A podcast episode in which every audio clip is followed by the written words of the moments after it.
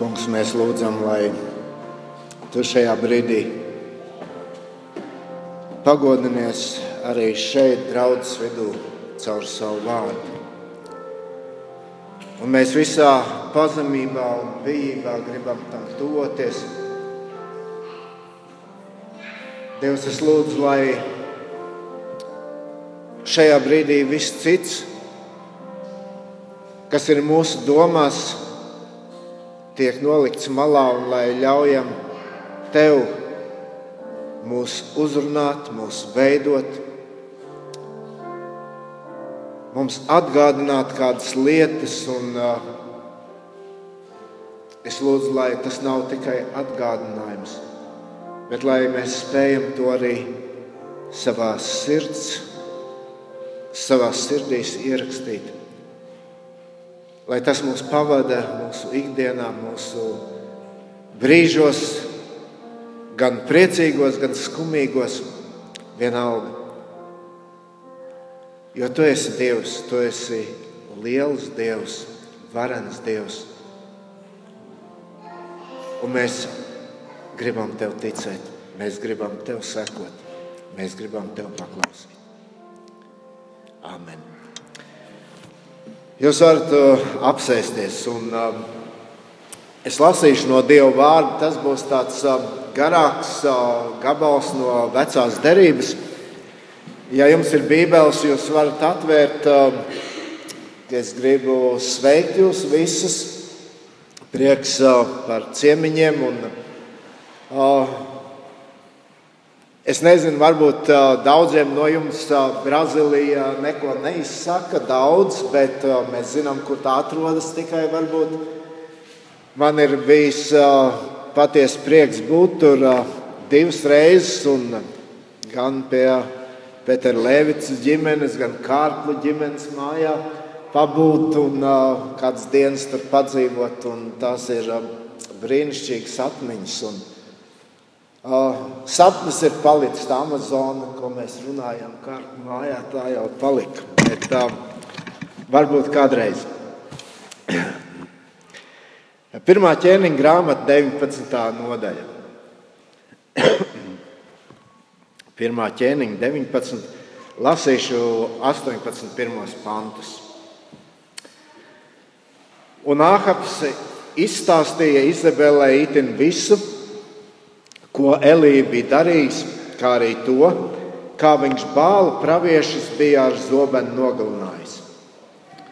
Un Izabela deva Elijam ziņu sacīdam, lai mani dievi dara tā un vēl vairāk, bet rītdien ap šo pašu laiku es atdarīšu tev tāpat, kā tu ikvienai no viņu dvēselēm esi darījis. Un, kad viņš to redzēja, tad viņš cēlās, lai glābtu pats savu dzīvību un nonāca Bēršabā, kas atrodas Jūdā. Un viņš tur atstāja savu puisi, bet pats viņš vienas dienas gājumu devās uz tuksnesi un apsēdās zem paegļa krūma, un viņš savā dvēselē vēlējās mirt. Un viņš sacīja: Nu ir gana kungs, ņem manu dvēseli jo es neesmu labāks kā mani tēvi. Un viņš apgūlās un aizmiga zem kāda tūkstneša krūma, bet te redzi, eņģelis stāvēja viņa priekšā, un tas viņam sacīja: Celies, un viņš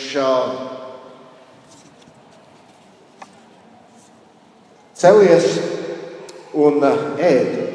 Un viņš raudzījās un redzi, pie viņa galvgaļa bija plācenis, kas cepts uz karstām oglēm, un apaļa krūze ar ūdeni. Un viņš ēda un dzēra un apgulās. Un tā kunga eņģelis atnāca pie viņa otru reizi, pieskārās viņam un sacīja: Celies un ēd, jo garš ceļš tev ir priekšā. Un viņš cēlās, ēda un dzēra un gāja. Stiprinājies ar šo ēdienu, 40 dienas un 40 naktis līdz Dieva kalnam Horebam. Un viņš iegāja alā un palika turpat pa nakti, un redz, tā kunga vārds nāca pār viņu sacīdams, no kurienes tu nākdams, Elī? Un viņš sacīja, degtini es esmu dedzis savā centībā tam kungam, dievam cebotam, jo tavu derību Izraēla bērni ir atmetuši, tavus altārus viņi ir sadragājuši, un tavus praviešus ar zobenu nokāpuši. Un es vienīgais esmu atlicis. un viņi tīko pēc manas dzīvības, lai to man atņemtu. Un viņš sacīja, izai ārā un nostājies tā kunga priekšā kalnā. Un redzi, tas kungs gāja garām liela un spēcīga vētra, kas sašķīra kalnus un sadrupina klintis, gāja tam kungam pa priekšu, bet šī vētrā nebija tas kungs. Pēc vētras nāca zemestrīce, bet tas kungs nebija zemestrīce. Un pēc zemestrīces bija uguns bet tas kungs nebija ugunī. Bet pēc uguns lēna balss, un tiklīdz Elija to sadzirdēja, viņš aizsēdza savu seju ar savu apmetni un nostājās Alcijas priekšā, un tad balss griezās pie viņa un sacīja: Ko tu šeit dari, Elija? Bet viņš sacīja: Es degteni esmu dedzis tam kungam, dievam cebotam jo Izraēla bērni ir atmetuši tev derību. Tavus altārus tie ir sadragājuši, un tavus praviešus nogalinājuši ar zobenu. Es vienīgais esmu atlicis, un viņi tīko pēc manas dzīvības, lai to man atņemtu. Un tas kungs viņam sacīja: atgriezies pa savu ceļu, tukšusi uz Damasku, un svaidi Hazēlu par ķēniņu par Aramu, bet Nimšie dēlu Jehu svaidi par ķēniņu par Izraēlu bet Safata dēlu Elisu no Abelas Meholas iesvētīja par pravieti savā vietā. Un lai notiek tā, kas izglābjas no Hazēlas zobena, to lai nogalina Jehus, bet kas izglābjas no Jehus, lai to nonāva Elīze. Bet es paglābšu Izrēlā septiņus tūkstošus, visus, kas ceļus nav locījuši bāla priekšā, un visus tos, kuru mute nav skūpstījusi to. Tie bija Dieva vārdi. Es ļoti atvainojos par savu klepu, bet es ceru, ka, ja pietrūks, tad pravieši, tad kraukļi kaut ko atnesīs. Man liekas, ka šis ir viens no tādiem dramatiskākajiem stāstiem vecajā derībā.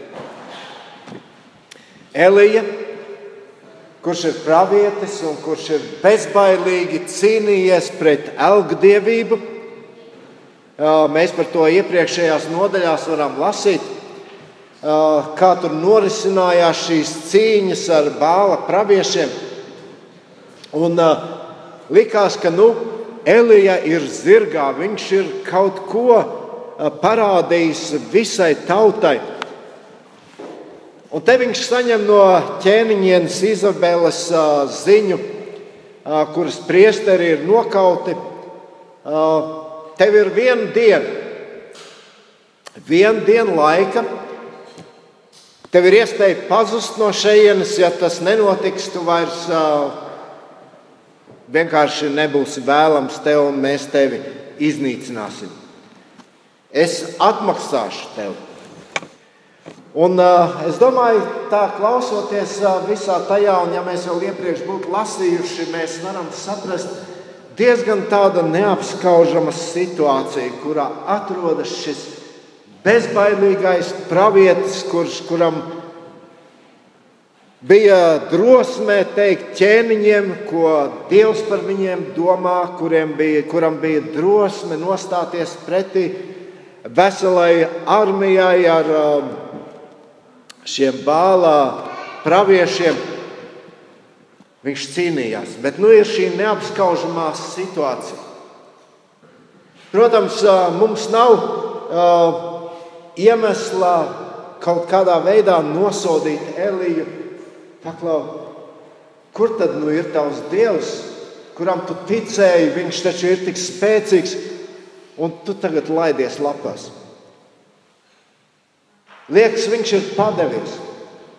Un mēs tur lasām, viņš ir gatavs doties tuksnesī, viņš apguļas tur zem kāda krūma. Saka, viss, es gribu mirt, man viss ir diezgan. Es nezinu, vai jūs visi esat piedzīvojuši kaut ko līdzīgu. Varbūt ne tik dramatisku, bet tādus brīžus, un šad un tad runājot ar cilvēkiem, cilvēks saka, nu man tagad tāds tūkstneša periods.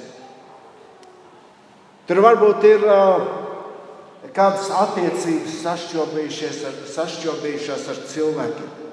Tur varbūt ir kādas finansiālas grūtības, un cilvēks saka, nu, man ir tāds tūkstneša periods.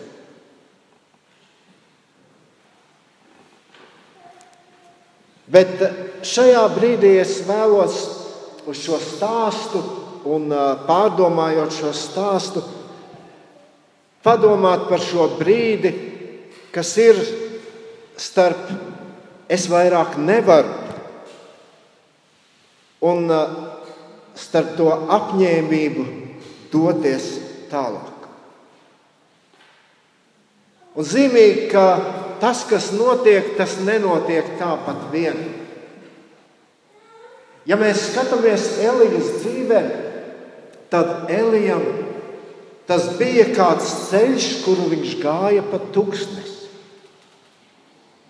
Un šis tūkstneša ceļš Elijam tomēr deva tik lielu svētību, ka viņš pēc tam uz dzīvi varēja paraudzīties pavisam savādāk. Kad Dievs viņam atklāja, tur vēl ir cilvēki, un tu neesi viens pats. Tur vēl ir cilvēki, kam Dievs ir svarīgs, ne tikai tev vienam. Tas ir ceļš, kurš kurā tu vari tā pa īstam sastapties ar to Dievu, kurš ir varens un spēcīgs Dievs. Un es gribētu, lai mēs ieraudzītu, ka tūkstnesis tas nav tikai kaut kas negatīvs, ko mēs ar nožēlu sakām, nu, tas man tāds tūkstneša periods. Ja jūs uzmanīgi klausījāties sākuma tekstu, tad tur arī ir pieminēts tūkstnesis, un uh, tur ir Jēzus, kurš jau uzreiz pēc tam, kad viņš ir kristīts, viņš uh, gars viņu aizved tūkstnesi. Bieži vien varbūt mēs esam pieraduši uz, stā, uz šo stāstu par Jēzu pēc kristībām, rūkoties vairāk domājot par tām kārdināšanām. Bet tur ir 40 dienas, ko Jēzus pavada tuksnesī, un pēc tam vēlns viņu kārdina. Mūs eh, bieži vien ir ļoti svarīgi tad, kad mēs esam kaut ko ieplānojuši, un es domāju, īpaši mums kā kristiešiem, arī draudzē, ja mēs esam kaut ko domājuši, mēs esam varbūt saņēmuši kādu īpašu dieva skubinājumu kaut ko darīt iesaistīties varbūt kādā kalpošanā. Ir svarīgi mums arī izbaudīt šo tūkstneša laiku. Tad mēs uz to varam paraudzīties pavisam citādām acīm. Cilvēks, diemžēl, ir tendēts pavisam savādāk. Mēs sākam uzskaitīt to, kas mums ir, mēs sākam domāt, vai mums pietiks resursi izdarīt to un to. Vai mums pietiks cilvēku, ar ko mēs to varēsim izdarīt? Vai es varēšu sastrādāties ar vienu vai otru cilvēku? Un, ja es saredzu kādas problēmas, es bieži vien atmetu ar roku un aizēju.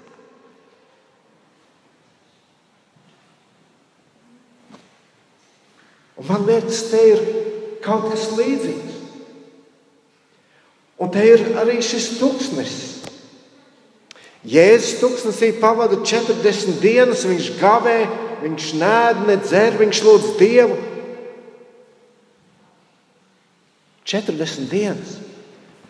Es šajā brīdī negribu pievērst uzmanību varbūt tik daudz šim skaitlim, kaut gan tas ir ļoti zīmīgs skaitlis. Bībelē atkal un atkal mēs šīs 40, šo skaitli 40 ieraugām. Arī saistībā ar tūkstnesi. 40 gadus Izraels iet uz apsolīto zemi caur tūkstnesi, un tur paudzei ir jā, jāpaiet.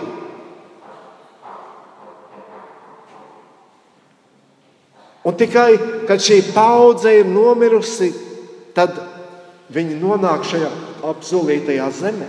Un tur bija savs iemesls. Mēs lasījām 40 dienas Elīja gāja uz Horeba kalnu, lai satiktos ar Dievu. Vēl mēs jaunajā darbā lasām, ka 40 dienas Jēzus bija kopā ar mācekļiem pēc tam, kad viņš augšām cēlās un viņš tika uzņemts debesīs. Varētu teikt, kaut kāds simbols. Bet es daudz vairāk gribu pievērst šajā brīdī uzmanību nevis šim 40, šim skaitlim 40, bet tūkstnesim. Kāpēc man ir vajadzīgs tūkstnesis? Ziniet, tūkstnesis ir kaut kas savādāks. Man vienreiz ir gadījies būt tūkstnesī pie Sinaja kalna. Un tā ir īpaša sajūta, kaut gan es nebiju kaut kur dziļi, tur tūkstneša maliņā. Bet tu skaties šajā plašumā, un tu nekā neredzi. Tikai debesis un smilšu klājums. Varbūt kāda zālīte kaut kur. Liekas, nekādas dzīvības. Un ja tu aizietu citu tālāk, tad varbūt tavām tehnoloģijām, kas ir tev kabatā un pie kā mēs esam tik ļoti pieraduši, pieraduši tam vairs nebūtu nekādas nozīmes. Tur ir klusums, tur nav nekādu lieku trokšņu. Tur nav varbūt daudz lietas, kas aizņem mūsu prātus un mūsu domas, bez kā mums liekas, mēs šodien nemaz nevaram iztikt. Mēs dzīvojam tādā steigas laikmetā, bet liekas, tūkstnesis. Un nevienmēr var būt tīri fiziskais tūkstnesis, bet tā ir, tā ir vieta, kur mēs liekas, pat laiks apstājas. Šodien laiks mūs steidzina. Bieži vien mums tas liek pieņemt steidzīgus lēmumus. Un bieži vien mēs sakām, nu, priekš tam jau mums Dievs ir devis prātu, lai mēs pieņemam kādus lēmumus un Dievu aizmirst. Es nesaku, ka prāts nav svarīgs. Ir. Bet šim tūkstneša laikam, kā es to gribu nosaukt, jeb laikam ar Dievu, Kad mēs mēģinām saprast, ko tad Dievs no manis grib, kur Viņš mani vedīs, tam ir jābūt prioritātei mūsu dzīvē. Tuksnesī tu nekā daudz līdzi nepaņemsi. Un tāpēc ir tik svarīgi pirms kādiem lieliem lēmumiem, izšķirošiem lēmumiem, ar ko mēs dzīvē sastopamies ik viens. Un es šeit nedomāju tikai par draugu. Nē, arī mūsu ikdienā ir tik daudz lēmumu jāpieņem. Un nevienmēr varbūt vajag šīs 40 dienas, bet tur vajag nodalītu laiku, kad mēs esam šajā tūkstnesī, kad mēs esam ar Dievu. Kad mēs apzināti atliekam malā lietas, kas varbūt mums ir tik svarīgas, ka tās traucē mums sastapties ar Dievu. Ja jūs uzmanīgi klausījāties šajā stāstā no pirmās ķēniņa grāmatas, tad droši vien ievērojat, Dievs ar Eliju runāja klusumā. Klusumā. Kaut gan Elija šajā tūkstneša laikā piedzīvoja zemestrīces. Bet Dieva vārds saka, tur Dieva nebija. Viņš piedzīvoja vētru, Dieva vārds saka, tur Dieva nebija. Viņš piedzīvoja uguni, tūkstnesī. Dieva vārds saka, tur Dieva nebija.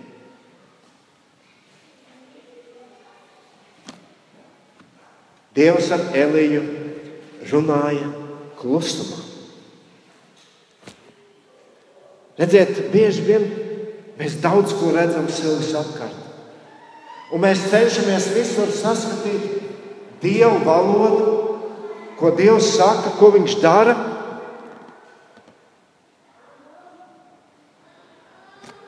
Bet Dievs runāja klusumā.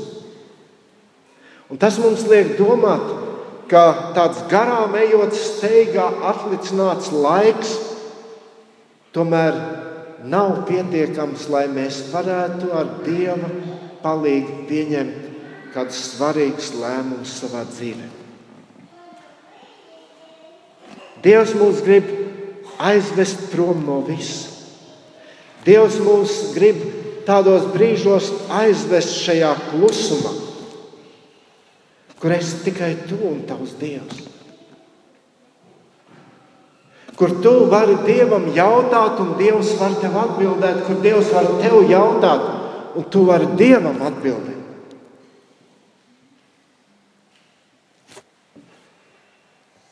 saņemt atbildi no Dieva. Būt mierā un klusumā ar Dievu. Ziniet, ja jūs kādreiz pamēģināsiet šādu brīdi, tad jūs sapratīsiet, tas no tevis kaut ko prasa. Tad sāk no tevis lobīties nost Varbūt viena otra ļoti garīga tavā prātā doma lieta. No tevis sāk lobīties nost kāda praktiska lieta, kas varbūt tev traucē, kas varbūt ir kā tāda lieka bagāža, kas mums traucē piedzīvot patiesu Dievu. Bet tad, kad tu esi klusums, Tad, kad tu esi projām no tās ikdienas, kad tev daudz kā nav blakus, tad tu tā patiesi piedzīvo šo dievu pieskārienu, šo dievu tuvu. Tad tu varbūt arī atskārsti ka kādas lietas tev savā ikdienā ir jānoliek malā, jāatstāj.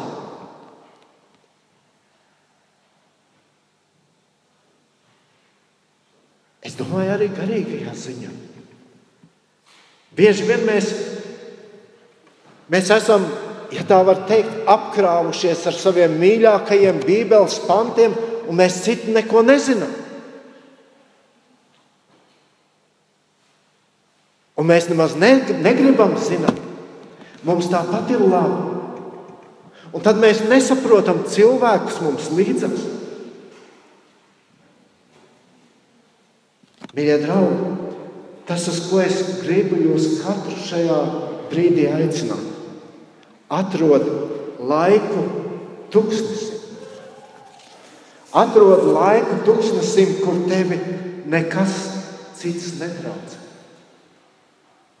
un ļauj šajā tūkstneša laikā Dievam ar tevi kaut ko darīt. Ļauj Dievam sevi attīrīt, ļauj Dievam sevi mainīt. Protams, ja tu iesi tūkstnesī, tu pats daudz ko sapratīsi. Jo tūkstnesī tās daudzās lietas, kas varbūt tev vilksies līdzi, tev radīs šo smagumu sajūtu, sapratīsi, man no tā ir jātiek vaļā. Un tādā, tu, tādā brīdī tu arī saproti, cik atkarīgs tu esi no Dieva. Kad tu esi šajā tūkstnesī, un svarīgi ir, es nezinu, kā jūs to sajūtat, bet kad es domāju par sevi, man tik svarīgi ir, ka es pats aizēju šajā tūkstnesī. Mēs neviens no šīm tūkstneša periodiem neesam pasargāti. Ja tu neaiziesi pats, agri vai vēl Dievs tevi tur iesviedīs šajā tūkstnesī. Bet tūkstnesis ir svarīgs. Laiks ar Dievu, kad tu saproti, kāds ir tavs Dievs, ir ļoti svarīgs.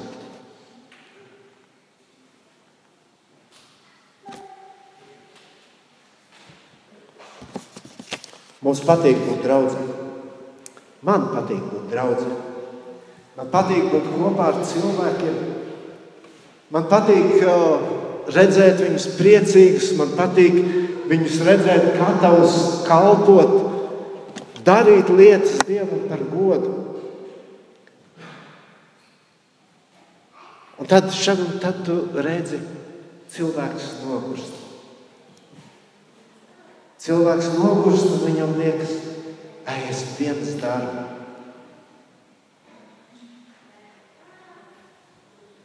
Zini, varbūt aizēj tūkstnesī, kur tu patiešām izjūtīsi to, ko nozīmē būt vienam. Un tad ieraugi savu Dievu, kurš ir tik stiprs, kuram noteikti tev ir ko teikt. Un viņš tev parādīs, tur ir cilvēki, ar kuriem tu kopā vari kalpot. Tur ir cilvēki, kuri domā līdzīgi kā tu.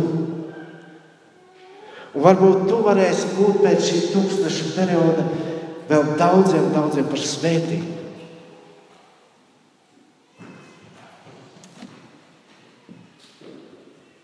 To piedzīvoja Elīja. Kāpēc lai tu šodien to nepiedzīvo? Kāpēc lai es to nepiedzīvotu? Mūsu Dievs ir spēcīgs. Lai Dievs palīdz, ka mēs šo aicinājumu uztvertu nopietni. Un nevis tā, nu, ai, man drusku bail tajā tūkstnesī iet. Man tas bail.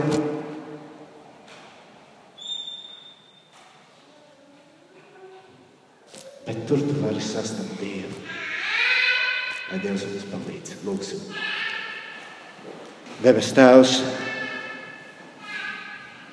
paldies, ka Tu man kādas lietas esi mācījis.